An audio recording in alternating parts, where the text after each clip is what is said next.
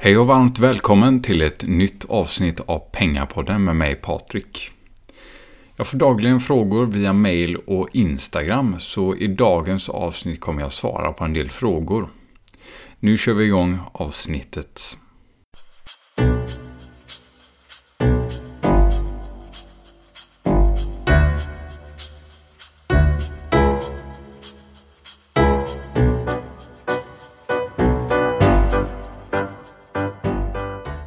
Innan vi hoppar in på frågorna och svaren så kör jag en eh, marknadsuppdatering så att du kan hålla dig uppdaterad på läget på de finansiella marknaderna. Det har hänt rätt mycket, rätt många intressanta saker senaste dagarna och veckorna. Torsdagen den 16 april kom veckostatistik kring nyanmälda arbetslösa i USA den visade på 5,2 miljoner nya arbetslösa förra veckan när avsnittet spelas in. Och totalt är vi uppe på 22 miljoner arbetslösa i USA på fyra veckor.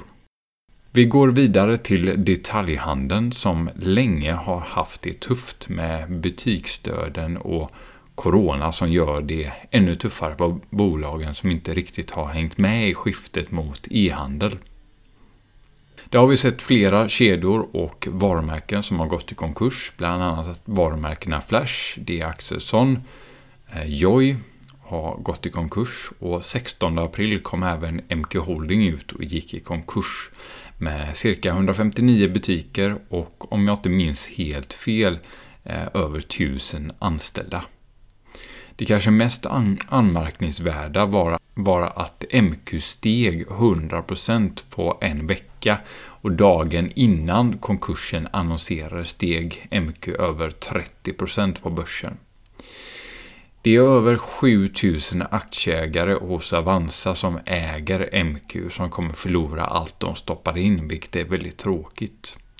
Dessa detaljhandelsbolag har haft det tufft ett eh, tag nu och nu när coronakrisen kom så spädde det på detta. Det är väldigt tråkigt att se utvecklingen men det är tyvärr en del av marknaden. Amerikanska centralbanken fortsätter att öka sin balansräkning markant med flera stimulanser, vilket bidrar till tillgångsinflation där aktier ökar i värde. Balansräkningen har under kort tid ökat med över 2 triljon dollar, vilket är 20 000 miljarder svenska kronor. För att ställa det i relation till finanskrisen 08-09 så tror jag det var Niklas Andersson på Avanza som skrev på Twitter att det tog amerikanska centralbanken över sex år att öka balansräkningen med 3,5 eh, trillion dollar. Alltså 35 000 miljarder svenska kronor. Alltså sex hela år. Nu har de ökat sina skulder med 20 000 miljarder svenska kronor på endast några veckor. Det visar hur hög hastigheten Eh, är nu när centralbankerna trycker eh, pengar. Och därmed sätter vi faktiskt punkt för marknadsuppdateringar och går vidare till frågorna. Första frågan som jag kommer besvara och kanske den vanligaste frågan jag får och det är faktiskt hur ska jag agera i dessa tider?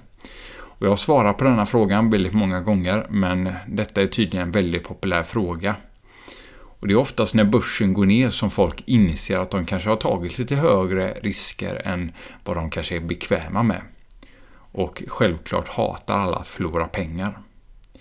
Och jag kan inte poängtera tillräckligt många gånger hur viktigt det är med riskspridningen.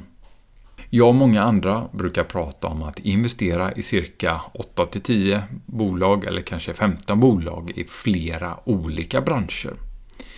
Men går nu börsen ner på allmän oro så går i princip alla bolag ner. Men visst, vissa bolag klarar sig bättre än andra.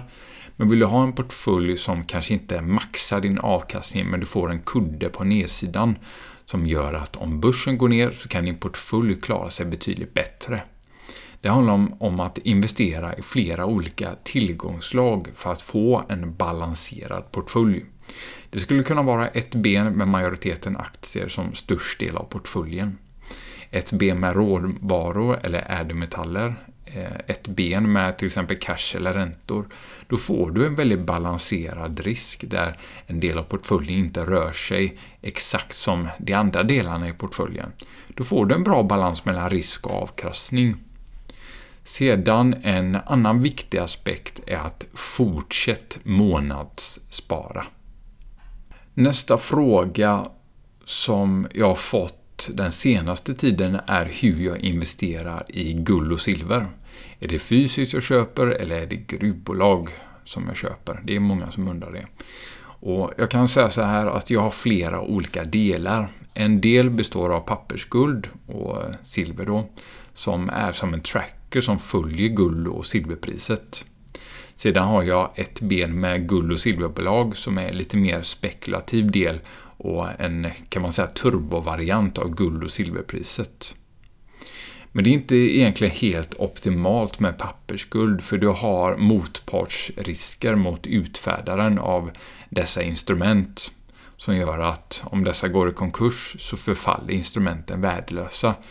Och det ska man vara väldigt medveten om. Men det finns till exempel ETCer och ETFer som är börshandlade fonder som finns hos Avanza och Nordnet som är uppbackade av fysisk guld. Men man kan aldrig vara 100, helt 100% säker på att de har allt det guldet tillgängligt som man antar att de ska ha. Det bästa är egentligen att ha fysiskt guld och silver. Eh, där har du dock problemet att det har blivit väldigt höga premier på fysiskt guld och silver. Eh, och de här premierna har stigit rejält den senaste tiden. Och tror man att guld och silverpriser ska stiga, då kan guld och silverbolagen vara intressanta som utvinner alltså guld och silver. Då. Eh, det brukar vara så att går till exempel guldet eller silvret upp 1% så brukar bolagen som utvinner guld eller silver eh, Eh, upp motsvarande kanske 2-3% istället. Vilket gör att du får en eh, inbyggd hävstång kan man säga. Motsvarande blir då om priset går ner, då får du hävstången emot dig istället. En annan fråga som jag ofta får är vad jag tror om ett specifikt bolag eller vad jag tror om börsen framöver. Jag kan börja med att säga att jag inte brukar kommentera enskilda bolag. Eh, det finns ju tusentals olika bolag på alla börser runt om i världen.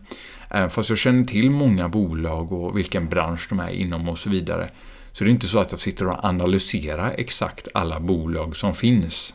Då är det bättre att du själv gör en analys av bolaget och skapar din egen uppfattning om läget.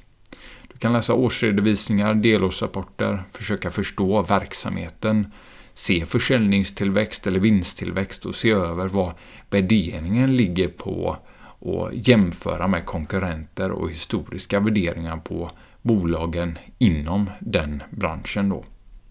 Vad jag tror om börsen framöver är väldigt svårt att svara på med tanke på att det är ingen som exakt vet när länder kommer börja öppna upp. Eh, från första början ville Trump öppna upp till påsk. Nu pratar man om att öppna upp i olika faser och flera länder har förlängt eh, nedstängningar flera gånger. Det som kommer påverka börsen framöver är bland annat hur lång tid det dröjer med att öppna upp länderna. Ju längre tid det tar att öppna upp, ju större skada för ekonomin. Sedan eh, andra faktorer som kommer påverka är hur centralbankerna, centralbankerna fortsätter att agera med stimulanser. En annan sak som eh, även kommer påverka är när man eh, får se hur stora effekter eh, det har blivit på ekonomin, framförallt kanske i, i Q2 och hur eh, bolagens rapporter ser ut när de kommer och hur utsikterna ser ut för nästkommande kvartal. Man måste försöka vara lite realistisk. Börsen gick ner mycket på kort tid. Då blev börsen översåld. Sedan kom amerikanska centralbanken med oändliga resurser och trycker pengar då studsar börsen upp rejält på kanske de här två faktorerna då. Eh, så det är oftast börsen överre överreagerar både på upp och nedsidan. För faktumet kvarstår att börsen vet inte hur de ska prisa in det som händer just nu. Med tanke på ett eh, väldigt, att väldigt mycket är fortfarande rätt osäkert. Så att om jag ska veta exakt hur börsen ska gå kommande period när inte ens länder själva vet när de kan öppna upp. Det skulle vara naivt att tro att jag skulle kunna förutse eh, också vad som ska hända. Jag kan väl ha ett hum kanske med olika scenarion som skulle kunna ske och vad som är mest sannolikt. Det är därför också man kan tjäna pengar på börsen för att det är allt som oftast händer att marknaden felprissätter bolag. Så det finns alltså många scenarion som kan spela ut och var och en av dessa scenarion kommer få en viss påverkan på börsen. Men vad som händer kortsiktigt spelar kanske inte jättestor roll för många. Om du har en sparhorisont på låt säga 10 år och har en bra eh, riskspridning i din portfölj så är det bäst att du fortsätter månadssparande. Då slipper du försöka tajma marknaden och kommer säkerligen över tid skapa goda förutsättningar för att göra bra affärer. Jag brukar vilja försöka hålla avsnitten korta, så jag känner faktiskt att vi rundar av avsnittet här, så kan jag säkert svara på fler frågor i andra avsnitt.